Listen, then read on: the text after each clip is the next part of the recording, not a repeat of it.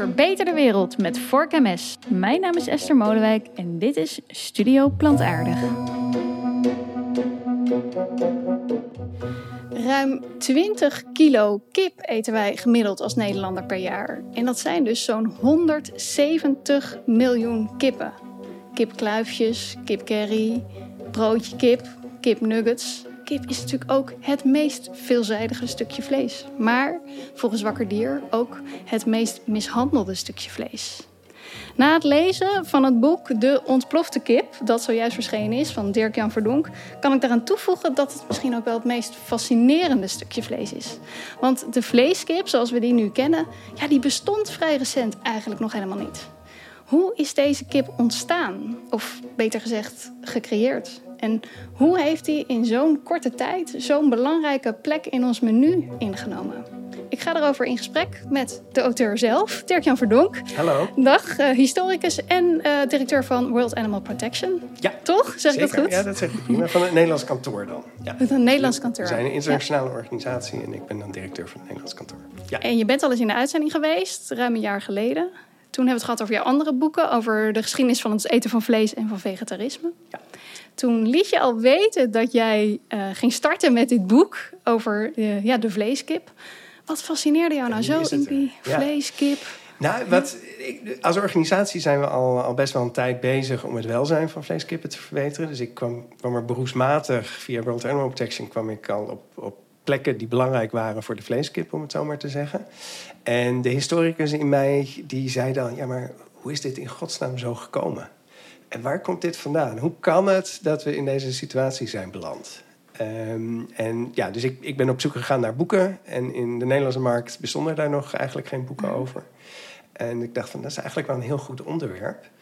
En een trigger was ook dat um, in 2018 was het geloof ik er een groep wetenschappers was... die een wetenschappelijk artikel hebben gepubliceerd... waarin zij de, de vleeskip aanmerkten als een toetsteen van het antropoceen. De een toetsteen van het antropoceen. Ja, Wat houdt dat in? Het antropoceen dat is zeg maar, het geologisch tijdperk waarin we nu leven. En dat is genoemd naar de mens, omdat de mens zo'n enorme impact heeft op, op de wereld. Ja. Um, en zij zeiden van ja, die, hoe, hoe kan je nou later, stel je, je doet een gedachte-experiment en je bent een archeoloog en je leeft uh, over 3000 jaar. En je gaat graven in de aarde en, en je ontdekt de lagen van de, van de geologische ja. tijdperken. Hoe kan je dan dit tijdperk herkennen? Ja. En zij zeiden aan de resten van vleeskippen. En, Werkelijk? En hoe, hoe kwamen ze tot die conclusie? Ja, nee, die, ja vanwege het feit dat, dat die vleeskip... Um, dat is de meest talrijke vogel op aarde. En de, de biomassa, het gewicht van alle vleeskippen op aarde... weegt meer dan van alle andere vogels bij elkaar opgeteld. Dus, dat, dat, dus, is, dat is wel echt een heftig feit. Ja. De, dus de ja. meest talrijke... Dus er is geen enkele vogel waarvan er zoveel zijn Als de vleeskip. Ja. En, en ook als je alle andere vogels... van, van, van struisvogels tot kolibries... en al de soorten ertussenin... als je het gewicht van al die dieren bij elkaar optelt... Dan eh, is het collectieve gewicht van de vleeskip groter. Ja, dus die, die vleeskip heeft ja, de samenstelling van het leven op aarde... radicaal veranderd. En ja, dat was een soort... Dat, dat intrigeerde me. En ik dacht van, dat, dat moet in een boek. Vooral uh, als je het, een vogelboekje openslaat, dan staat er van alles in, maar dan staat die vleeskip daar niet in. Nee, Eigenlijk nee, weten we er ja. natuurlijk heel weinig en dat over. Is, precies, Ja. en dat is heel paradoxaal. En het is de meest talrijke vogel op aarde. En niemand, ja, behalve mensen die er beroepsmatig mee te maken hebben, maar verder niemand ziet dat dier ooit levend. Ja, ja, ja. We zien dat dier alleen maar in de vorm inderdaad van, Van kipnuggets Of, Ja. ja, uh, Ja, dus jij dacht, die verdient een boek. dat verdient een boek. Dat is eigenlijk heel raar. En het, het is eigenlijk ook heel raar dat we dat, dat, we dat niet beseffen. Tenminste, als ik dit vertel aan mensen, dan zeggen ze dat... Oh, is het werkelijk? Is dat zo? Dat had ik me niet gerealiseerd. Ja. Ehm, en ik denk dat dat nogal belangrijk is dus. Als, als we een dier hebben gecreëerd dat zo'n enorme impact heeft... en we zwijgen daarover, dat, ja, dat lijkt me niet bevorderlijk. Ja, nou laten we dan eh, vandaag een boekje open doen eh, over Ja. die vleeskip. En je zegt al, hij is eh, gecreëerd. Want het is dus een, een, een vrij modern verschijnsel. Ehm, zou je eens terug kunnen naar het begin van de vleeskip? Ja, ja en dan, daarvoor is het even goed, goed je te realiseren dat mensen natuurlijk al vele duizenden jaren kippen houden. Maar dat kippen primair gehouden werden voor hun eieren.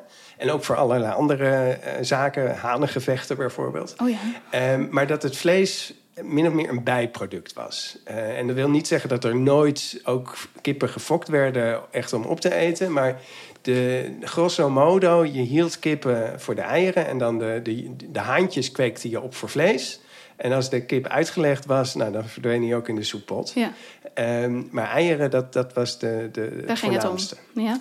Um, en toen, een eeuw geleden, uh, in Amerika aan de, aan de westkust, ontwikkelde zich een industrie die zich echt alleen op vleeskippen, op het fokken van, van kippen voor vlees richtte. Want er was een groeiende markt in New York, waar heel veel uh, Joden uit Oost-Europa heen vluchtten. En ja, die aten natuurlijk geen varkensvlees. En, en, kip was voor hen, uh, ja, dat, dat was het geprefereerde vlees dat ze op vrijdagavond aten. Dus ja, er, er ontstond daar al wel een industrie gericht op vleeskippen. En uh, vanuit die industrie ontstond uh, na, na 20 jaar ongeveer de wens om een echt veel betere kip te ontwikkelen. Want die vleeskippen die ze gebruikten, dat, ja, dat waren eigenlijk dus een soort van Ras, ja, nou, daar waren rassen die, die ja, gevormd waren, eh, maar uiteindelijk inderdaad van, van kippen afgeleid waren die voor de eierproductie gehouden werden. En dus, dus er was, was echt, ja, de, de, het was het idee van laten we nou een enorme wedstrijd organiseren om tot die moderne vleeskip te, te komen. Ja, en dat werd de kip van morgen gedoopt. Uh, enorme organisatie. En in 1948 uh, nou, werden al die eieren van kippenfokkers uit de hele Verenigde Staten opgestuurd, uitgebroed en, en beoordeeld door een jury. En daar kwam dan één winnaar uit. En dat, ja, die winnaar is eigenlijk de, de moderne, De moderne, vleeskip. ja. De, de, de kip van morgen Ja. werd al heel snel de kip van vandaag. En nog even terug, je zegt die eieren werden opgestuurd. Maar ik, ik las in je boek, volgens mij ging dat echt om veel eieren. Hè? Dus een, een deelnemer stuurde 3000 eieren of zo per Ja, van per- zijn ras. Ja, ja, ja. Dus. Het, het was een enorme logistieke operatie. Heel Amerika stond bij wijze van spreken op zijn kop om tot eh, de kip van morgen te komen. En het interessante, en, en daarom is die kip van morgen ook, die moderne vleeskip ook echt een andere kip dan al die voorgaande kippen die misschien ook wel voor hun vlees werden gehouden, eh, is dat het om een kruising gaat. En eh, het is een zogeheten hybride kip. En eh, dat, dat werd een dubbele kruising. Dus er werden vier lijn, foklijnen, zuivere lijnen gefokt. En die werden twee aan twee gekruist. En het product, eh, wat tussen aanhalingstekens, werd dan ook weer gekruist. En daaruit kwam Ja. dan de moderne eh, vleeskip. Ja, dus je hebt opa, opa en oma van vier verschillende lijnen, Ja, zeg maar. En die maken twee ouderkippen. Ja, En, en- en dat, dat- wat daaruit komt is dan de vleeskip. Ja, ja. En, en op die manier kon men zeg maar, het eh, probleem enigszins omzeilen. Hoewel ook niet helemaal, maar het enigszins omzeilen dat die vleeskip die moet heel snel groeien. Terwijl als je de vleeskuikentjes wil maken, jij juist een, je juist een kip nodig hebt die heel veel eieren legt. Ja, dat is en, waar. En, ja. en dus ja, dat, en dat zijn twee, twee dimensies die zich heel moeilijk laten combineren. En Dus, dus de, de moeders moeten heel veel eieren Ja, leggen. ja, en dan- maar de, wat eruit komt, moet vooral groeien en geen Exact, eieren eh, leggen. ja, ja. En, eh, nou, en dus die vaderlijnen die, die zitten vooral in op die hele harde groei. En de moederlijnen voor, vooral ook op de eierproductie. ja. Het gaat dan nog steeds niet goed, want die moeders die worden echt op een enorm hongerrantsoen gezet. Omdat ze anders veel te groot en vet worden. En dan, eh, dat, dat is nadelig voor die eierproductie. Ehm, maar dat, ja, daarmee werd dus echt een heel nieuw dier gecreëerd. En, en, en, en ja, een heel fascinerend dier eigenlijk. Want een vleeskip plant zich dus nooit voort. Dus je hebt het meest talrijke vogel op aarde die zich nooit voortplant. Want hij eindigt in het slachthuis. En de ouders van dat dier, dat, zijn geen vleeskippen. Ja, dus even dat we dit snappen. Veel mensen denken waarschijnlijk een dier die, nou, die, die, die, die krijgt kleintjes, jonkies, die, en die gaat vervolgens zelf de soeppan in. Maar in dit geval is er gewoon een bepaald, eh, bepaalde lijn. Dat zijn ouderdieren en die fokken steeds de, De vleeskippen. Ja. Vleeskuikens zijn het eigenlijk. En die kuikens die gaan, Die, die, verdwijnen allemaal het slachthuis Ja, en die krijgen zelf nooit een kuiken. Exact. Ja. ja. Allemaal één generatie. Eén maar. generatie. Ja, dat, dat was dus een uniek idee. En daarmee hebben we dus een, een heel raar dier op de wereld gezet. En ja, dat, dat, is, dat is fascinerend. En wat was er nou, uh, wat was het belangrijke voor het fokken van die vleeskippen? Wat waren de belangrijkste kenmerken waarop werd gelet? Ja, dat is ook, ook wel heel mooi om te zien. Want je zou je kunnen voorstellen dat op het moment dat je hè, bedenkt van we willen een, een, een, vleeskip creëren voor de Amerikaanse markt in de, in de wederopbouwjaren na de Tweede Wereldoorlog, dat je dan eh, bijvoorbeeld consumenten daarin betrekt om hè, de kip uit te zoeken die het lekkerste smaakt. Ja, oh ja, dat ja, zou je ja. kunnen voorstellen. Uh, nou, dat gebeurde allemaal niet. Er waren experts van het, van het ministerie en vanuit de kippensector en vanuit de supermarktwereld die uh, de beoordelingscriteria ontwierpen. En daarin ging het eigenlijk om twee dimensies. Daarin ging het om het uiterlijk. Het moest er goed uitzien. Of het goed smaakte, dat was niet belangrijk, maar het moest er goed uitzien. Um, en het moest economisch zo rendabel mogelijk. En dat betekende dat de, de kip uh, met zo min mogelijk voer zo snel mogelijk moest groeien. Want voerkosten, dat is een, een, het belangrijkste deel van de kosten in de productie van, van kippen. En tijd is ook geld, uiteraard. Dus met die twee, met die twee, twee dimensies kon je de, de economisch meest efficiënte kip maken. En dat was voor mij echt een soort eye-opener. Dat had ik me niet gerealiseerd. Uh, dan denk je dus, oké, nu dat die kip in de markt is gezet... en die veel goedkoper wordt dan de, de kippen van voorheen... dat gaat natuurlijk die vragen aanzwengelen. En daarom gaan mensen veel meer kip eten. Maar dat gebeurde helemaal niet. Dus de kip van morgen verscheen in de Amerikaanse supermarkten. En uh, de verkoop van kip Klant zat er niet op te bleef, bleef gewoon hetzelfde. Ja, ja, ja. En dat is, is pas 10, 20 jaar later verholpen, om het, uh, om het zo maar te zeggen. Naar aanleiding van onderzoek bij consumenten. En wat, want wat bleek nou? Consumenten aten kip op zondag. En misschien als ze ziek waren, maar verder niet. En wat de consument in, eh, in Amerika wilde, was vlees. En kip werd eigenlijk niet gezien als vlees. Nee, dat is interessant, hè? Ja. Ja. poul- poultry wordt het daar eigenlijk genoemd. Ja. Een soort tussencategorie. Die we eigenlijk hier ook hebben, maar hier, hier hebben, maken Nou, we dat onderscheid niet zo. Nou, ik denk dat we destijds hier dat onderscheid ook best wel gemaakt hebben. En wat dus de kippensector zich realiseerde, was dat ze de kip zeg maar, opnieuw moesten positioneren in de markt. En dat de kip vlees moest worden. En om dat te doen, gingen ze die kip op allerlei manieren omvormen. Ja, gaan we straks op komen. Prima. Op hoe de kip gemarket is. Ja. Want ik wil nog even terug, want we waren nog even bij wat dat nou betekende voor die kip, die dus sneller moest groeien. Kun je een beetje een gevoel geven bij hoe, hoe- zwaar werd een kip, eh, zeg maar, voor, voor de hele creatie van de vleeskip? En eh, hoe zwaar wordt die nu? Hoe is die kip veranderd? Ja, nou, een, een eeuw geleden, in 1923, toen, toen eigenlijk die vleeskippenindustrie startte in, eh, in het westen van Amerika, toen groeide een kip gemiddeld per dag 9 gram. De kip die als winnaar uit de bus kwam in 1948 in de Kip van Morgen competitie, die groeide twee keer zo snel. En die kon ook nog met 33% minder voer toe. Oh, dat Een was een enorme economisch succes. Ja, enorme. Ja. De huidige plofkip, die groeit meer dan 60 gram per dag. Dus dat is zeven keer sneller dan de kip van een eeuw geleden. En drieënhalf keer sneller dan de kip uit 1948, die de winnaar was. En nu hebben we in Nederland natuurlijk eh, nieuwe kipconcepten, zoals dat dan heet. En het Beter Leven kip van de dierenbescherming. En die kippen, dat zijn trager groeiende kippen. Maar goed, die groeien nog steeds iets van 40 gram per dag of zo.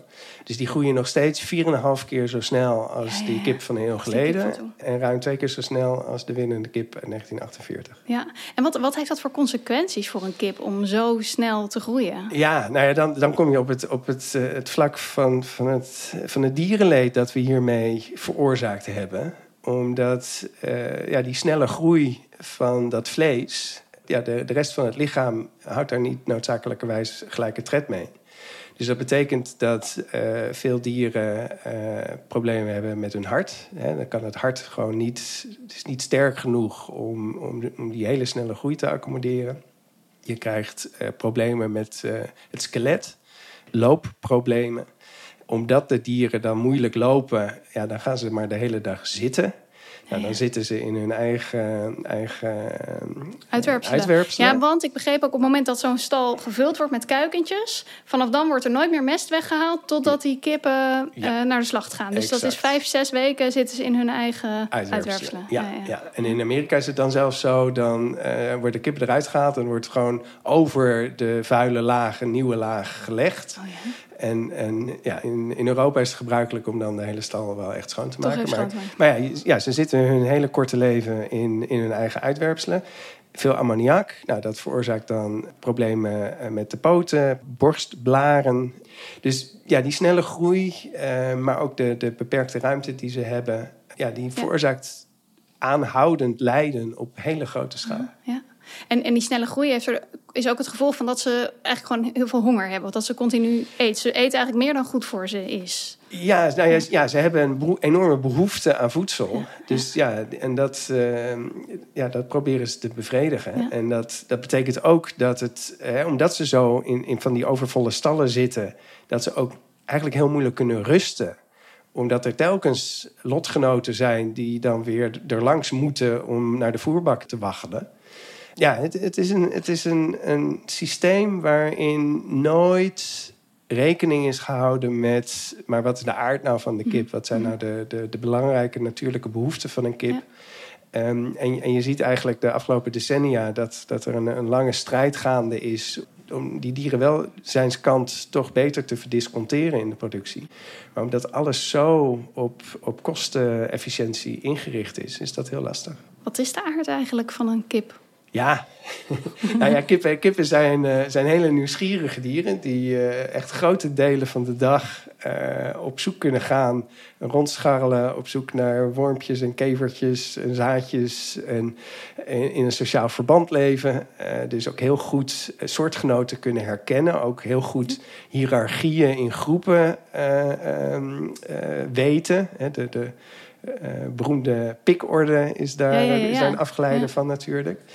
Ehm, het zijn dieren die s s'avonds hoog de bomen invliegen om op een tak eh, te rusten, zodat ze veilig zijn voor nou ja, vossen en, en, en andere dieren die eh, misschien zouden willen verschalken. Ehm, het zijn bosdieren, eh, dus ze zijn ook bang voor, eh, ja, voor grote open ruimtes, want daar kunnen dan roofvogels eh, verschijnen. Het zijn hele communicatieve dieren. Ze hebben heel veel verschillende klanken waarmee ze vrij, vrij nauwgezet ook kunnen communiceren. Dus ze, ze kunnen, hè, als ze een, een alarmroep doen, dan kunnen ze bijvoorbeeld een onderscheid maken tussen een alarm voor een roofvogel en een alarm voor een vos. Aha. Eh, oh, oh, werkelijk. Ook voor het soort, niet alleen van er komt gevaar, maar ook wat voor soort Ja, gevaar ja, of, komt. of- of- ik, Ja. in ieder geval dus een- het verschil tussen gevaar uit de lucht en gevaar op de grond. Ja, Ja. ja. Ehm, en ja, al die, al die kippen-eigenschappen... Die, die komen in de moderne vleeskippenhouderij... eh, ja, heb je daar niks aan. Ja, to- toch even niet alleen maar goeds over de kip. Want ik las ook dat mannetjes vrouwtjes lokken... met de lokroep dat er eten was... als ze eigenlijk andere bedoelingen hadden. Ja, ja, Toch? nou, dus het is ook weer niet, we moeten hem ook weer niet helemaal Nee, ophemelen. ja, goed. Ja, ik, ik zou bijna willen zeggen, kippen zijn net mensen. Nee, ehm, maar dat, dat, dat tekent wel dat het dus hele slimme dieren Ja, zijn. ja. Hè? Dus ze kunnen elkaar misleiden. Maar vervolgens, als eh, zo'n hen door een, een haantje wordt misleid... onthoudt die hen dat Oh ja. ook. En dus op het moment dat dat haantje dat vaker doet... dan trapt ze er niet meer in. Het zijn ook gewoon net mensen, ja. Ja, Dirk-Jan, je weet vast nog van de vorige keer dat je hier was... dat wij ook vaak eh, de straat op gaan. Ja. Eh, onze straatinterviewer Ernie van Dalen. Ik pak hem er even bij. Hij is dit weekend Oud-Zuid ingegaan... om mensen daar te vragen of ze wel eens kip eten. En eh, ik ga je laten horen wat de reacties daarop waren. Daar komt hij. De Vegan Voxpop. Eten jullie wel eens kip? Eh, ja, af en toe. En, en wat is jullie meest favoriete eh, kipgerecht? Ja, eigenlijk gewoon een eh kipfilet gewoon naast, naast het gebruikelijke eten eigenlijk. Of eh, in een rijstgerecht. En eet je ook wel eens plofkip? Oeh, dat is een goede vraag. Dat weet ik eigenlijk nooit. Of het plofkip is of niet. Weet je eigenlijk wat een plofkip is?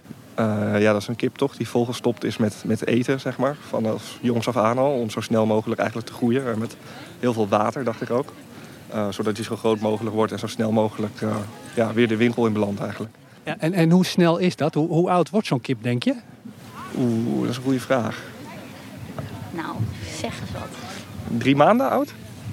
Eerder? Nee, misschien ja, tien weken? Drie maanden? Kipzaag, India's. Kipzaag. Het is met eh, spinazie, zeg maar. Lekker. En eet je ook wel eens plofkip? Eh, nou, over het algemeen probeer ik zoveel mogelijk eh, biologische, vrije, vriendelijke kippen te krijgen. Maar ja, het blijft natuurlijk altijd een beetje oneerlijk voor de kip. Nou, ik eet denk ik vooral kipfilet op brood. Met avocado. En hutekezen of zo. Eet je ook wel eens plofkip? Misschien wel, ja. Ja, dat weet ik eigenlijk niet. En, en, en wat is een plofkip eigenlijk? Een eh, kip die in een te kleine ruimte geleefd heeft. Te weinig vierkante meters. En vooral heel snel is vet gemest. Zodat er zo snel mogelijk eh, nou ja, weer geslacht kan worden. En hoe lang duurt dat leven dan van zo'n kip? Ja, volgens mij echt maar heel kort. Een week? Weet je wat plofkip is? Eh, nou, het doet me eigenlijk gelijk denken aan de reclame die altijd op tv was. Met die opgeblazen kip. Weet je hoe lang een plofkip leeft? Nee, dat weet ik niet. Kun je een schatting doen? Ehm, lastige vraag. Jaartje of drie? Jazeker, dat is een kip die minder dan een A4'tje aan ruimte heeft. Eh, ik had wel het vermoeden dat het heel kort was. Exacte eh, periode had ik niet in mijn hoofd. Ehm, maar ik wist wel dat het een, eh, een miserabel bestaan is. Ja. En ook dat die één ster eh, beter leven variant, dat dat eh, gewoon heel slecht is alsnog. Ja. En, en nu de, de bonusvraag.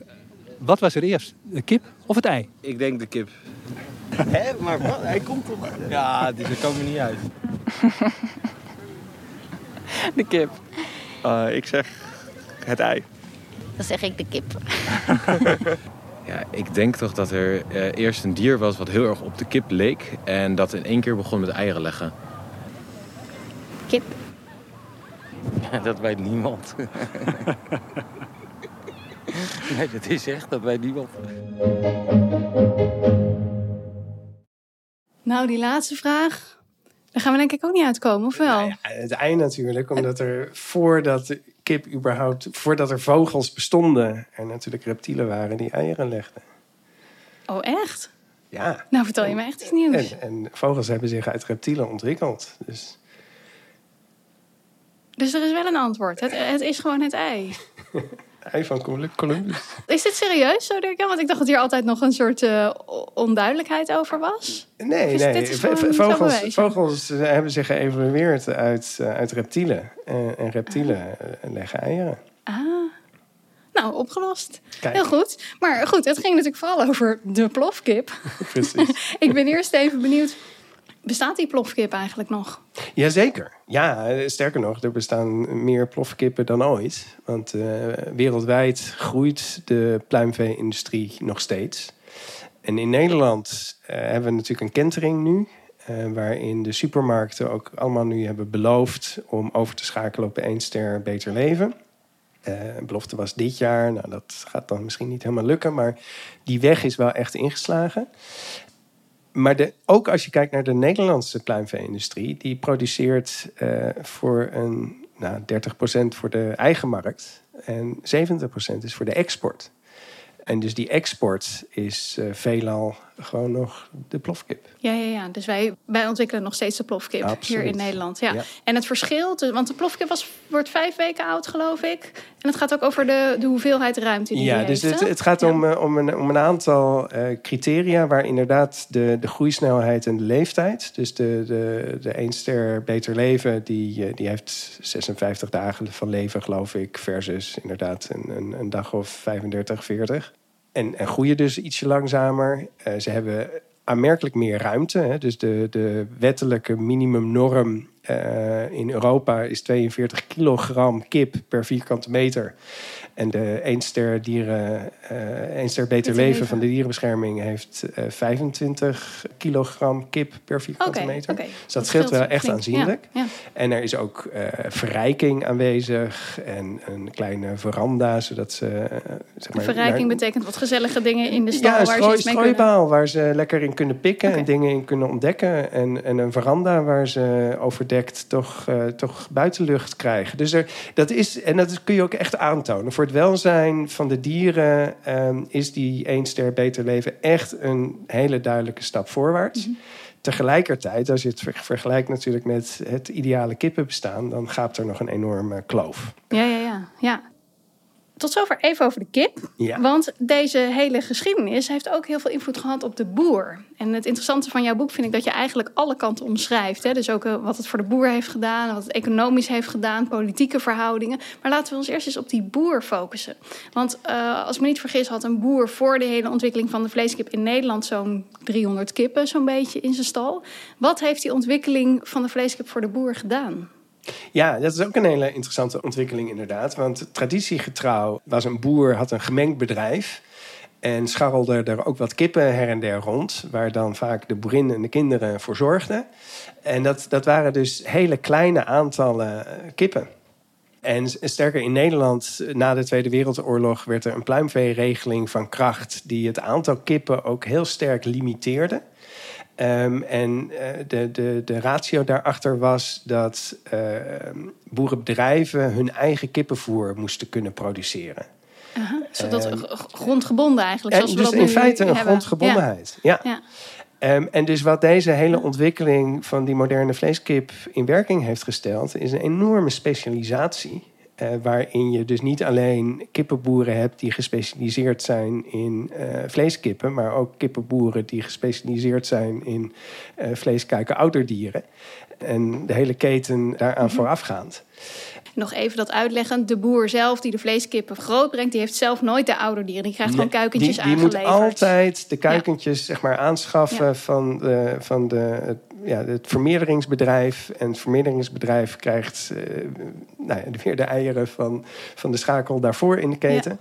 Ehm, en dat maakt die boer ook enorm afhankelijk. Hè. Vroeger hadden boeren hun eigen kippen en daar konden ze zelf mee fokken. En ze waren dus wat dat betreft onafhankelijk. Nu, nu zijn ze totaal afhankelijk geworden eh, van, die, van die hele industrie het moet allemaal zo economisch efficiënt mogelijk. Eh, dat betekent dat de marges heel klein zijn. En eh, boeren dus een hele grote schuldenlast hebben met hele kleine marges. En als het dus een beetje verkeerd gaat, dan zitten ze al snel in, eh, in de verdrukking. Dus dat, ja, ze, ze, ze zitten wat dat betreft heel erg klem. En in Amerika, waar die hele industrie is opgekomen en dat ook, in feite als voorbeeld heeft gediend voor de rest van de wereld, is dat eh, ja, tot het meest extreme zeg maar, uitgegroeid in de zin van die eh, vleeskippenbedrijven, die, of de, de kippenvleesbedrijven, dus die kippen afnamen en slachten en verwerkten, die zijn steeds groter gegroeid. Ehm, en die hebben dus in hele regio's van de Verenigde Staten een soort monopoliepositie gekregen. Ja, je kunt kippen ook niet eindeloos vervoeren eh 500 kilometer verderop naar, naar een volgend slachthuis. Dus, kippen, Dus je zit eraan vast Dus je eigenlijk. zit vast Ja. aan, die, Ja. aan dat grote kippenvleesbedrijf. Ja. En dat betekent dat die kippenvleesbedrijven dus enorme ja, soort van wurgcontracten konden afsluiten met de kippenboeren. En dan hebben we het over zo'n Tysons bijvoorbeeld. Ja, Tyson Foods is, Ja, een, is ja. een perfect voorbeeld. Dat was een, een, een tijd lang het grootste kippenvleesbedrijf ter wereld. Ehm, in ieder geval is het nog steeds het grootste eh, Amerikaanse kippenvleesbedrijf. Ja, en die heeft echt, echt in bepaalde stukken van de Verenigde Staten ja, een soort monopolie. En, eh, Dus, dus die levert aan de boer de kuikens. Ja. De boer, hij, le- hij levert ook het voer, geloof ook ik. het dat voer. goed? Ja, hij heeft, hij heeft zeg maar alle elementen in de, in de keten heeft hij in handen. Hij heeft zo'n bedrijf in handen. Dat heet verticale integratie. Behalve het grootbrengen van de kippen zelf. Ja. Dat heeft hij zeg maar uitbesteed aan de, aan de contract eh, farmers. En daarmee in feite ook de risico's die daarmee samenhangen. Hè? Dierziekten en, en ventilatiesystemen die uitvallen en dat soort zaken. Ja. En ook, ook eh, buiten de deur gehouden. En hij is ook degene die aan het eind weer de kippen afneemt, Afneemt, en slacht. Ja, ja. Dus eigenlijk alle risico's liggen bij de boer, die een soort van loon, en eigenlijk in verkapte loondienst Exact. is, maar wel verantwoordelijk is voor alles wat er in zijn stal en, gebeurt. en dus als daar iets misgaat, dan is hij de pineut. Ja. Ja. En in, de, in die, die vleesproductie zelf beschreef je dat het eh, eigenlijk is zoals de, de auto-industrie steeds meer gerationaliseerd is. En een soort arbeidsdeling heeft opgevonden in al die kleine deeltjes van het proces. Is dat in Nederland ook zo? Ja, nou, dat is in Nederland in feite ook zo. En, hè, dus, dus inderdaad, in Amerika heeft de vleeskippenindustrie... en zeker ook Tyson Foods en en de, de, de grondleggers daarvan... die hebben heel goed gekeken naar eh, het bedrijfsmodel van Henry Ford... waar je inderdaad een arbeidsdeling had... en wat, wat eigenlijk georganiseerd was volgens het principe... dat je zeg maar, mensen had die het denkwerk verrichten... en mensen die gewoon moesten uitvoeren. En nou, het, het kippenvleesbedrijf, dat verzorgde denkwerk. En de, de kippenboer, die had gewoon maar uit te voeren. En, nou goed, dat, dat- ja, daar kun je ook van alles over zeggen. Maar dat model eh, van die hele sterke specialisatie... En die, en die integratie ook van de verschillende onderdelen... dat, dat is vervolgens eh, overal eh, afgekeken van de Verenigde Staten. Heel wel bewust na de Tweede Wereldoorlog, waaronder in Nederland. En dus er werden hier vanuit de sector werden studiereizen georganiseerd. eh, en dan werden pluimveedeskundigen in Nederland... Die, ja, die, die mochten dan naar de Verenigde Staten afreizen... om daar maanden rond te kijken en kennis op te doen. En die rapporteerden dan weer terug. En dat, nou, ja, dat vormde heel erg het, het beleid in Nederland... eh, om de pluimveesector te hervormen. Ja, we hebben echt dat, dat Amerikaanse voorbeeld eh, grotendeels Ja, gevolgd. ja.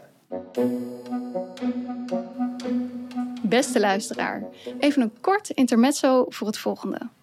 Ik werd laatst benaderd door een niet nader te noemen energiemaatschappij of ik reclame voor ze zou willen maken in deze podcast.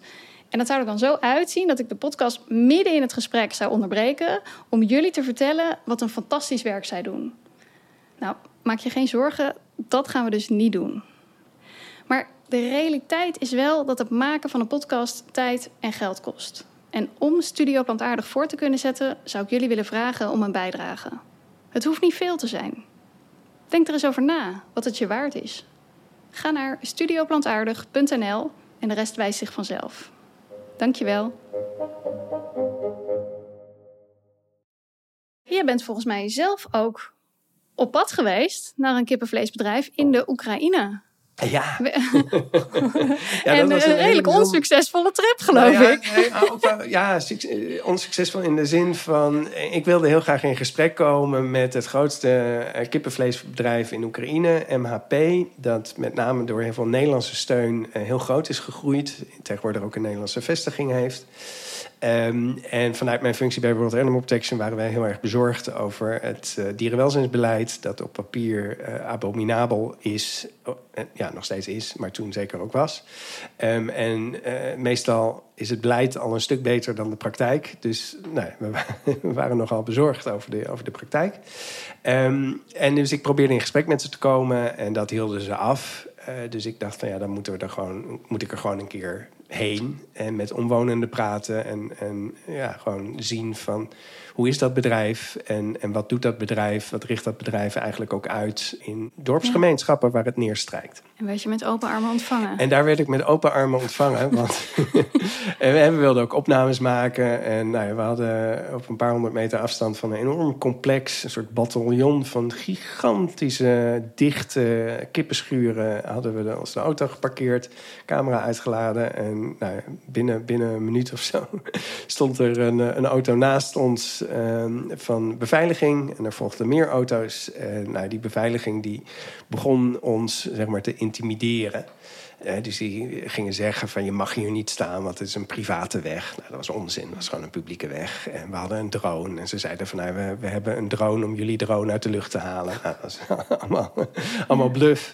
Maar zelfs eh, tot het punt dat ehm, ik, had, ik had een Oekraïense fixer... en die gaf toch haar telefoonnummer aan een van die beveiligers. Want die beveiligers hadden gezegd... nou, als er iets gebeurt, dan moeten we jullie wel kunnen bereiken.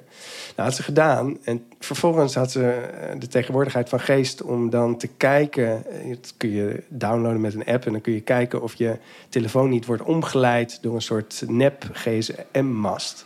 En dat was dus het geval. Dus ze, ze, ze hadden daar een soort, soort uh, apparaat aan boord van hun auto waarmee ze dan binnen een straal van een paar honderd meter uh, telefoonnummers konden, konden omleiden en dus, uh, dus ons afluisteren. En, en nou weet jij natuurlijk inmiddels best een beetje over hoe de industrie huiverig is om, om mensen binnen te laten. Maar dit was wel de overtreffende dit, ja, trap. Verraste ja. dit je? Ja, dit, Ja? dit was wel. Ik, ik had al wel verhalen gehoord hoor, maar dit, ja, dit, dit was natuurlijk wel heel extreem. En wij werden dus de hele dag gevolgd door die bewakers. En eh, ook als we dan bij mensen op bezoek waren in een naburig dorpje, dan, dan bleven die in een auto buiten geparkeerd staan eh, tot we weer klaar waren. En, en ja, pas, pas op het eind van de dag, toen we dan uit de regio vertrokken, eh, pas na een echt tientallen kilometers, eh, toen ze echt dachten van oké, die gaan wel echt weg. Toen, toen taaiden ze af. Dus je hebt eigenlijk geen kip gezien? Nee, dus ik, ik heb van dat bedrijf geen kip gezien. Eh, de dorpelingen hadden wel kippen buiten scharrelen, dus die heb ik wel gezien. Die waren niet representatief, Nee, nee, nee. Dus, maar dat, dat, dat onderstreept het punt dat ik net maakte. Dat het heel raar is. Dat dit is de talrijkste vogel van op, op, op deze wereld. En we zien het dier nooit in Ja. levende lijven. Ja, wat, wat- ja, ik kan me er iets bij voorstellen hoor. Maar wat zou nou de grootste angst zijn van die ondernemingen om jullie niet binnen te laten voor een gesprek? Nou ja, kijk, zij, zij hadden allerlei verhalen in de media dat ze voldeden aan Europese standaarden en, en dat soort zaken. En ja, dan is het vervelend waarschijnlijk als, als eh, een bezoek uitwijst dat daar nog het een en ander eh, gebeuren moet. Ze, ze kregen heel veel leningen vanuit Europa, ook van, vanuit Nederland, van eh, Rabobank, ING, Nederlandse pensioenfondsen die erin belegden. Ja, en dan, dan is het vervelend als je verhaal wordt ontkracht natuurlijk. Nederland financiert echt dit soort Ja, bedrijven. ja, ja, ja, zeker. Nederland, Nederland is natuurlijk nooit te beroerd om in het buitenland geld te verdienen. Ja, als in leningen, dus Ja, als ja. met rendement. Geen subsidies, maar het gaat om... Ja, ja, ja. En, en ook eh, ja, Nederlandse bedrijven die daar apparatuur aan leveren. We hebben een, een Nederlandse machinebouwer, Mijn, die dan eh, broedmachines Mhm. over de hele wereld eh, verkoopt. Nee, de, een Nederlandse koopmansgeest in de pluimveesector is eh, zeer nadrukkelijk Ja, aanwezig. hier kunnen wij... Het is weer zo'n staaltje waar we trots op kunnen zijn. eh. Tussen aanleiding. ja, precies. Ja. Dan, jij begon er net al even over die consumptie. Ja, Want eh, ja, die kippen die kwamen allemaal in de supermarkt... en eigenlijk was de consument daar nog helemaal niet aan gewend. nee. Wat hebben we nou gedaan om te zorgen dat we nu toch wel een paar keer per week... kip op de een of andere manier op ons bord hebben Ja. liggen? Ja, dus de uitdaging van die, van die marketeers was echt van hoe kunnen we van kip vlees maken. En toen hebben ze eigenlijk afgekeken van ja, hoe werkt dat dan met varkensvlees. Nou, varkensvlees werd in allerlei vormen en, en soorten verkocht. In worst, in, in eh, carbonades, in, in ham, in, nou ja, je, je noemt het maar op. Ehm, en kon dus ook heel makkelijk geconsumeerd worden. eh, niet alleen als het, het lapje vlees naast de groenten en de aardappelen eh, tijdens het avondeten, maar ook in de lunch als broodbeleg of, of bij het ontbijt of als snack tussendoor. Ehm, en dus die kip die is eigenlijk gedeconstrueerd en ehm, ja, in, op allerlei verschillende manieren vormgegeven. En kipsalades en nou ja, je, een eindeloze reeks van kipvariaties en, en nieuwe kipproducten.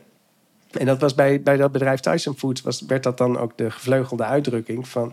denk er niet over om hè, zoveel mogelijk kippen te produceren... maar denk erover hoeveel je, om zoveel mogelijk met kip te doen. En dus ook je niet alleen op dat volume te richten... maar juist ook op de, op de toegevoegde waarde van die kip. En dat heeft ervoor gezorgd dat ja, kip een hele andere status kreeg. En dus inderdaad een gemaksvoedsel werd en zich naadloos voegde in de, in de opkomende fastfoodcultuur.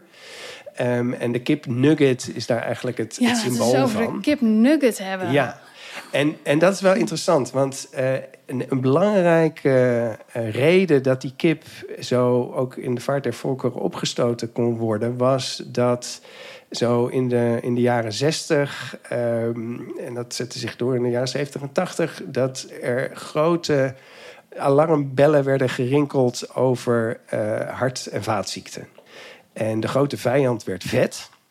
En dus alles moest light en, en mensen moesten van het vet af. En ja, varkensvlees, dat, was, eh, dat stond bekend als vet. En kip stond bekend als mager. Dus kip kreeg een enorm soort aureool van gezondheid. Even tussendoor, dat is het ook, toch? Nou, Kip eh, eh, dat, is in principe kip, mager. Kipfilet is mager. Ja, maar ja. dat wil niet zeggen dat alle andere delen van de kip zo mager zijn. Dus als je mhm. kijkt naar kippenhuid... dan is die kippenhuid helemaal niet zo mager. Dat is behoorlijk vet. Ehm, en als je kip wil verkopen, dan ga je natuurlijk niet alleen de kipfilet uit de kip snijden en dan de rest van de kip weggooien. Nee, je wil die hele kip wil je verkopen. Dus ook de kippenhuid. Dus dan ga je manieren verzinnen om die kippenhuid te verwerken. En dan kom je dus inderdaad op producten zoals kipnuggets. Waar je, eh, Daar ja, zit ook kippenhuid in. nou ja, ik, ik, ik weet niet in. Als je nu in de supermarkt koopt of bij, bij de fastfoodketen, wat, wat nu de. Hè, elk, elke keten zal ook misschien zijn eigen samenstelling Ja. hebben. Maar ehm, die producten werden heel erg inderdaad ontworpen om zoveel mogelijk van die kip tot waarde te brengen. En daar ja, zijn dus heel veel fastfoodproducten met kip ontwikkeld. die helemaal niet het predicaat gezond kunnen dragen. Integendeel maar die wel meeliften op dat gezonde imago van kip. Dus dan, hè, mensen wisten dan misschien wel van, oh, ik, ik eh, eet fastfood en dat is misschien dus heel gezond. Maar als ik dan voor kip kies, dan is het eigenlijk toch stiekem wel weer gezond. Ja, ja. En dat is natuurlijk helemaal niet waar, maar dat, dat heeft wel, ja, dat is een van de mythes, zeg maar, rond de kip, die denk ik een grote rol heeft gespeeld in de populariteit. En dus ja, die hele slimme positionering. En in, in Nederland is dat in de, in, in de jaren zeventig samengevat in, in de perfecte marketing slogan die nog steeds wordt gebruikt. Kip, het meest veelzijdige stukje vlees, je noemde het al. Ja. Ehm, en daarin zit dat precies. Hè? Dus kip is vlees. Ja. Hè, dat moest heel duidelijk gemaakt worden. Eh, kip is niet kip, kip is vlees. En het is veelzijdig. En dus kreeg je slogans van elke dag variatie, elke dag kip. En Een bizarre, bizarre slogan. Eh, natuurlijk. eh, dit, wa- waren dit dan overheidscampagnes eigenlijk? Zo- Nou, dat, dat is interessant. Dit, dit, in Nederland werd dat dan, eh, ging dat uit weer van dat productschap dat ik noemde. Ja, ja. Dus dat productschap, dat, eh, dat kreeg deels ook overheidsgeld... maar deels uit, vanuit die heffingen eh, bij de leden... eh, werden dan die reclamecampagnes eh, gesubsidieerd. Ehm, maar ja, als je nu kijkt naar, naar, naar kipreclames... dan krijgen die bijvoorbeeld heel, veel- heel veel subsidie vanuit Europa. Ja, ja. Ja, en dat, he- dat houdt dan weer verband met een andere mythe rond die kip, namelijk dat die kip duurzaam zou zijn. Dat is zeg maar het nieuwe, het nieuwe verhaal over de Ja, kip, precies. waar, die, waar de industrie heel erg op hamert. En, en ja, ook dat verhaal is natuurlijk eh, zeer eenzijdig. En Ja. Daar zit ook een achterkant aan. Ja, nou, dat is een goede. Daar wilde ik het inderdaad over hebben. Want ik vind dat eigenlijk ook een wat ongemakkelijke waarheid. Dat als je kijkt naar toch die voerconversie, dat kip, ja, ik durf bijna niet te zeggen, maar toch beter uit de bus komt dan andere vleesproducten. Ik geloof dat een kip eh, anderhalf kilo voedsel nodig heeft om één kilo vlees te maken. En als je dat dan vergelijkt met rund, dan, is dat, dan scheelt dat gigantisch. En ook nog dat hoe sneller je die kip fokt, dus eigenlijk de plofkip is eigenlijk, ja, ik vind het moeilijk om te zeggen, maar is qua duurzaamheid eigenlijk relatief een succes. Eh, ten opzichte van andere vleessoorten. Ja, maar daar, daar, daar, en daar zitten dus allerlei allers op het gas, Esther. Ja, Want- vertel. oh, ik hoop toch zo dat je dit kan ontkrachten. Ja, nee, dus, dus die, die plofkip is het meest efficiënt in voerconversie. Ehm, maar dat betekent, eh, en overigens heb je veel meer kilo. Eh, je hebt nog steeds bijna drie kilo eh, voer nodig voor een kilo vlees. Want de kip zelf kun je niet helemaal opeten. Er zitten ook eh, botten in en veren en poten. Eh, die, die moet je er allemaal afhalen. Je moet het voer meenemen natuurlijk dat de ouderdieren allemaal hebben verorberd. Oh, dat is Eh, er is ook natuurlijk waar. natuurlijk nog Ja. uitval eh, van kippen die het slachthuis niet halen. Vlees dat, dat afgekeurd wordt. Dus, Dus die anderhalf keer voor conversie, dat is- die klopt niet dat, helemaal. Nou ja, dat, dat, is wel, dat, dat, dat is wel een juiste conversie. Maar dat gaat echt om de groei van de kip zelf. Als Ja. totaal. En Ja. niet, niet om het vlees. Eh, dat, dat we consumeren. Dus even dat eh, als, eh, als, als nuance alvast. Ehm, maar dan vervolgens kom je inderdaad op het feit dat die plofkip dus het meest efficiënt is om dat voer om te zetten. Maar dat is ook een, eh, daar zitten ook een aantal aspecten aan. Eén kun je, er, kun je er wat zaken van afhalen. Want ook de uitval van die plofkip is groter. En dat is allemaal afval. Dus daar, en daar- uitval, dat zijn de kippen die doodgaan. Dat zijn de kippen die- die niet het halen tot niet halen. Die zelfs die, die zelfs die vijf Ja. weken van hun Ja. leven al Ja. niet kunnen blijven leven. En betekent ook dat je, hè, je hebt hogere veterinaire kosten, qua geneesmiddelen, zoals dat dan heet. Dat, ja, dat is misschien de term niet eens waard, maar goed. Ehm, dus daar, daar, er zitten, ook het vlees zelf, de vleeskwaliteit van dat heel snel groeiende vlees is slechter. Dus je, je, en je, je krijgt dan wat um, in Engeland zo mooi heet de, de wooden breast. Een soort verhardingen in, de, in, de, in het spierweefsel. Nou, daar moet je weer of je moet het afkeuren, of je moet weer allerlei technieken toepassen om dat uh, weer een beetje soepel vlees te maken. Dus je kunt überhaupt van die efficiëntie kun je wel hier en daar wat afdoen. Uh, maar het belangrijkste is het voer. En, want dat voer, dat heeft een grote impact. Hè, dat, daar is land voor nodig, Mhm. daar worden pesticiden voor gebruikt, dat, eh, dat heeft veel water nodig. Je hebt voor een groot deel over soja. Eh, Soja en mais, Mais, dat zijn ja. eigenlijk de grote, de grote componenten. Maar ook tarwe, ook vismeel. eh, nou, dat voer dat moet je produceren. En dus de afdruk, de, voet, de milieuafdruk van dat voer... is eigenlijk bepalend voor de duurzaamheid van de kip. En de logica die jij beschrijft is van... ja, ze hebben minder voer nodig... en dus is de milieudruk minder. Maar dat hangt natuurlijk af van dat voer. En dat is het interessante. Eh, onderzoekers aan de Universiteit Wageningen die hebben het idee van de kringlooplandbouw ontwikkeld. En die hebben dus gezegd van ja, wat, wat inefficiënt is, is eigenlijk competitie tussen eh, voer, ja, voedselcompetitie tussen mensen en dieren. En want als wij soja verbouwen of mais verbouwen, dan kunnen we dat ook zelf prima consumeren. Netto hebben we dan meer eiwit dan als we dat via die kip produceren. Ja. Kipproductie zorgt voor een vermindering van de totale hoeveelheid eiwit op deze wereld, dat, dat voor mensen beschikbaar is. Ehm, wat zeggen die wetenschappers nou? Die zeggen van ja, eh, hè, dus wat we niet moeten doen is voergewassen verbouwen. We moeten gewassen verbouwen voor menselijke consumptie. Maar als je dat doet, dan heb je ook hè, restproducten. Je hebt eh, ook voedselafval. En die restproductie en, die, en dat voedselafval, dat zou je aan dieren kunnen voeren. En daarmee toch alsnog voedsel voor mensen kunnen creëren. En dat is duurzaam. En vervolgens hebben ze berekend van ja, wat betekent dat dan voor eh, welke dieren we houden. En uit één onderzoek kwam, eh, was de uitkomst dat je dan wel melkkoeien hebt, hè, die grasland eh, eh, kunnen benutten. Je hebt varkens die heel goed zijn in afvalverwerking. Je hebt ook een, een beperkt aantal legkippen, maar je hebt geen vleeskippen meer. En waarom geen vleeskip en wel legkippen? Omdat die vleeskippen voor die snelle groei heel hoogwaardig voer nodig hebben. Dus die hebben goedkoop, maar heel eiwitrijk voer nodig. En dat wordt dus ge- geleverd door die, met name ook door die soja. En ja, dat heb je dus niet in die reststromen. Heb je dat type voedsel niet. Dus dat is er niet. Ja, dus als Dus- je zo'nzelfde kip, je pakt die ene vleeskip en die zet je op een... Op een dieet van, op- van, restproducten, dan, dan verkommert dat dier. Ah, ja. Eh, dat, dat is helemaal niet het geschikte dier voor dat type voer. Ja. Ehm, dus in die hele kringloopgedachte ehm, ja, kun je het eigenlijk veel beter zonder de vleeskip af. Dus even terug, qua voerconversie doet hij het in principe op dit moment beter. Hij heeft minder voer nodig om een kilo vlees te produceren.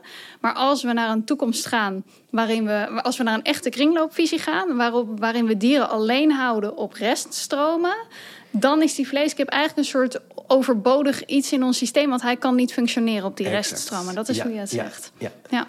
En En dat is natuurlijk leuk. fascinerend, want dat, dat is een, een, een manier van kijken die op systeemniveau kijkt. Ja. Eh, en niet een manier van kijken die in ketens kijkt, die niet ter discussie worden gesteld. Mhm.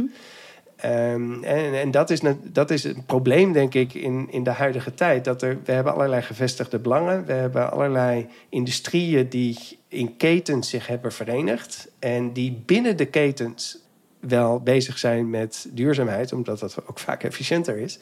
Maar die niet de keten zelf ter discussie stellen. En dus niet op een systeemniveau naar eh, voedselproductie kijken. Ja. En, en, en hebben we.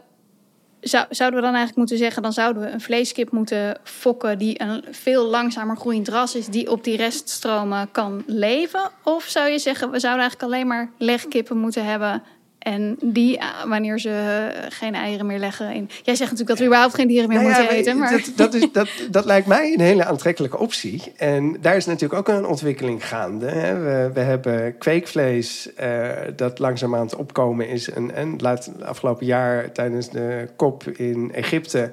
Werden, werd aan de gedelegeerden werd kippenvlees geserveerd. Dat was gekweekt met kippencellen zonder dat er een kip voor was geslacht. Dus Wist, dat is- wist de gedelegeerde dat? ja, ja, ja, Oh, nee, dat werd aangekondigd. ja. Dus, dat, dat, hè, dus je, je ziet, en of dat nou het meest efficiënte is, daar kun je ook nog weer bedenkingen bij hebben, want het kost veel energie.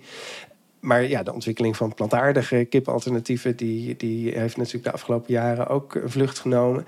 Dus er zijn allerlei productiemethoden om kippenvlees of op kippenvlees lijkende eiwitrijke producten te produceren, die nog veel efficiënter zijn dan die plofkip. Dus dat die, ja, die hele mythe van de efficiëntie van de plofkip, dat is denk ik een, een mythe die we, waar we af moeten, die we moeten doorprikken. En op een hele andere manier naar het en dus op, voedselsysteem op, kijken. op een heel en de andere manier daar, daar Ja. naar moeten Ja. kijken. Ja. Dit is eigenlijk de, de richting die jij noemt. Hè? Eh, Kweekvlees aan de ene kant, misschien kringlooplandbouw aan de andere kant. Ondertussen zeggen alle voorspellingen dat we alleen maar meer vlees gaan eten. En dat kip daar een heel groot aandeel van gaat doen. Ik geloof zelfs dat, dat de voorspelling is dat we in 2050 onze kipconsumptie verdubbeld hebben. Waar gaat het naartoe, Dirk-Jan? Nou ja, kijk, als, als, dat, als dat werkelijkheid wordt, dan eh, gaan we toe naar een wereld waarin de soortenrijkdom nog veel sterker afneemt dan de afgelopen decennia. Eh, waarin de wereld nog, stil- nog veel sneller opwarmt dan wat we nu al beleven. Waarin het dierenleed nog grootschaliger en nog tergender wordt. Waarin eh, mensen in, die werkzaam zijn in slachthuizen en dergelijke eh, op nog grotere schaal ja, worden, worden geëxploiteerd. Ehm, ik denk niet dat dat een mooie wereld is. Ehm, dus ja, En, en, en zie jij aanwijzingen ergens in het systeem dat, dat, dat dit tot een halt komt? Nou, dat, dat, dat, ik denk dat je dat wel ziet. Hè? En dus die, die ontwikkeling van, van dat kweekvlees is een, is een hele duidelijke. Omdat dat, het is gewoon echt kippenvlees. Ehm, dus op het moment dat dat rendabeler wordt, dan, zal de, hè, dan heb je dikke kans dat, eh, dat in ieder geval in, in, in een aantal markten dat eh, grote vlucht kan gaan nemen. Ehm, tegelijkertijd het blijft het ook onvoorspelbaar. Want er zijn ook eh, tegenbewegingen die dat dan als onnatuurlijk of zo ja, in de band doen. Terwijl weinig is onnatuurlijker dan de huidige plofkip. Ja. Ehm, maar ik, ik, ja, ik, mijn, mijn inschatting is wel dat industriële vleesproductie en, en daarin ook de pluimveehouderij steeds nadrukkelijker een plek krijgt in het hele debat over de uitstoot van broeikasgassen en de, en de gevaarlijke klimaatverandering en, en biodiversiteitsverlies. En dus dat die transitie richting alternatieve eiwitten, met name ook plantaardige eiwitten, dat die eh, echt wel eh, stevige wind in de zeilen gaat krijgen. En ja, de kip vormt daar dus een wat heeft een, daar een soort van tussenpositie in vanwege nog steeds dat hele overheersende verhaal dat dat dan, hè, toch wel veel beter zou zijn dan, dan rundvlees bijvoorbeeld. Nou, qua klimaatuitstoot eh, kun je dat ook moeilijk ontkennen. Maar het is nog steeds, eh, heeft het een enorme negatieve impact op de natuur. Via, via het landgebruik, maar ook via de, de kippenmest. En, en de stikstof en fosfaat die de natuur eh, vervuilen. Dus ja, ik, ik, de squeeze wordt denk ik steeds duidelijker. En, en dat betekent dat oplossingsrichtingen, zoals ik die beschrijf, ook steeds meer eh, voor het voetlicht Ja. komen. Mag ik je tot slot nog vragen? Denk je dat met al dat fokken en doorfokken en veranderen van die kip en dat kruisen en die hybrides, dat het wezen van de kip ook veranderd is?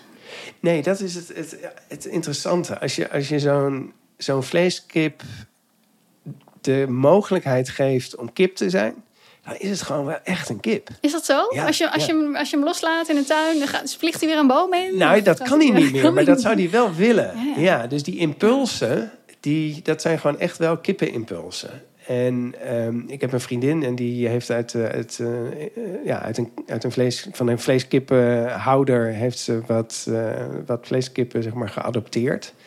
Ehm, en dat was eigenlijk een heel tragisch verhaal. Want de meesten die, die moesten al na een paar weken, geloof ik, laten inslapen. Omdat ja, hun gezondheidsproblemen Mhm. gewoon te groot waren. De enige kip die het in eerste instantie wel goed deed, eh, Henry heette die, geloof ik. dat is geweldig om te zien hoe die zich ontwikkelde. Maar ook die kip moesten na een jaar laten inslapen. Gewoon omdat dat lichaam is een, is een aan het dier vijandelijke macht geworden. En dus een, een lang kippenleven kun je aan die vleeskippen niet meer geven... puur vanwege eh, het doorfokken. Ja. Maar goed, het wezen hebben ze er dus, dus niet uitgefokt. Nee, nee, nee. Dat, Dat, en dat, dat zie je ook bij andere eh, dieren die we houden. Ook bij varkens eh, bijvoorbeeld. Nee, dus, dus dat, dat, dat gedragsrepertoire... dat zit heel diep in, in de genen Is besloten. dat nou een hoopvolle gedachte of is dat eigenlijk ook heel verdrietig? Nou, ik, ik vind dat wel een, een hoopvolle gedachte, toch? Omdat ehm, ik denk dat we die kip moeten herwaarderen. Ik denk dat we moeten zien wat voor mooi wezen die kip is. Ehm, en, en een interessant wezen. En een eh, gezellig dier ook om in je tuin te hebben, bijvoorbeeld. En dat we dus ja, tot op heden, ondanks al die decennia van, van kippenfokken, dat we ja, nog steeds ons geconfronteerd zien met een dier dat die impulsen heeft. Ik denk dat dat een, een, mooie spiegel voor ons is. eh, om, om terug te keren naar van oké, maar ja, wat, wat is die kip dus inderdaad? En, en hoe kunnen wij ervoor zorgen dat die kip ook echt kip kan zijn? Dat lijkt me een prachtige afsluiting. Dankjewel, Dirk. Ja, ik, laat ik er nog even bij zeggen dat we nog niet eens de helft van je boek hebben kunnen behandelen. ik, ik, ik noem nog even een paar dingen waar we het niet over hebben gehad. Ehm, salmonella hebben we nog niet behandeld. Eh, vogelgriep en eh, vele andere ziekten. Ja, de geacroniseerde kip. Ik, ga, ik vind het een prachtige vraag. Ik ga het gewoon niet vertellen, want dan kunnen mensen nee, dat in het boek lees lezen. het boek ja, en, dat is en, en geniaal. leer alles over de geacroniseerde kip. Het is, een- het is een klucht. Eh, De chloorkip, eh, het slachten van kippen. De, ja, die, toch die omstandigheden waarin die ouderdieren leven, hebben we het kort over gehad. Maar dat is toch eigenlijk ook nog wel een, heel, eh, een hele podcast waard. Eh, Tumbling van de kippen. Tumbling, wat Ja. was dat ook weer? Ja. dat, dat, dat, dat met water. nee, ja. ik, ik verklap het niet. Ik verklap het niet. Ehm, de keer op keer mislukte dierenwelzijnswetten van de kip. Je besteedt ook een heel hoofdstuk aan nou ja, die productie van voer in de Amazone en wat dat voor de Amazone doet. En ook heerlijk en, en tenenkrommend zijn alle politieke schandalen eh, rondom die kip. En eh, nou, Bill, ik, ik zeg gewoon de naam Bill Clinton en verder zeg ik. eh, Zullen we het zo doen? Prima. Is er nog iets waar jij denkt van dit moet ik echt nog even kwijt? Nee, nou ja, goed. Ik, ja, kijk, ik, ik, zou het heel fijn vinden natuurlijk. Als, ik, heb, ik heb veel tijd en energie ge- gestopt in het schrijven van het boek. En dan is het natuurlijk altijd leuk als mensen het ook lezen. En ehm, als je het dan gelezen hebt... ehm, ik vind het ook altijd leuk om te horen van hoe je het gevonden hebt. Of ja, of, eh, dat- je een, een, recensie achterlaat. eh weet ik ook bij blog.com of bij Goodreads. Of ander platform waar je, waar je dat eh, iets kunt laten weten over het boek. En, en misschien ook anderen kunt eh, inspireren of, of je eigen gedachten daarover kwijt kunt. Ja. ja, dat je er veel tijd in hebt gestopt, dat is duidelijk. Want het is ook gewoon echt een geschiedenisboek. Het is ongelooflijk veel feit. Ik geloof dat er 90 pagina's aan noten nog eens in staan achteraf. Dus, eh, Ik heb me niet ingehouden. Je kan je hart ja, Ik geloof dat we er ook één mogen verloten weggeven. Dus eh, Inderdaad. volg onze socials en dan kun je daar zien hoe dat allemaal eh, gaat werken. Heel goed. Heel hartelijk bedankt voor dit gesprek.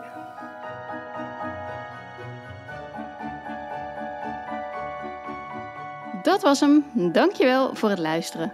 De Vegan Voxpop werd gemaakt door Ernie van Dalen en het audio en design is van Marlon van der Pas. Wil je meer weten over hoe we de stap naar een plantaardige samenleving gaan maken? Volg dan onze podcast. Oh, en eh, deel je hem ook met andere wereldverbeteraars. Dank je en tot de volgende.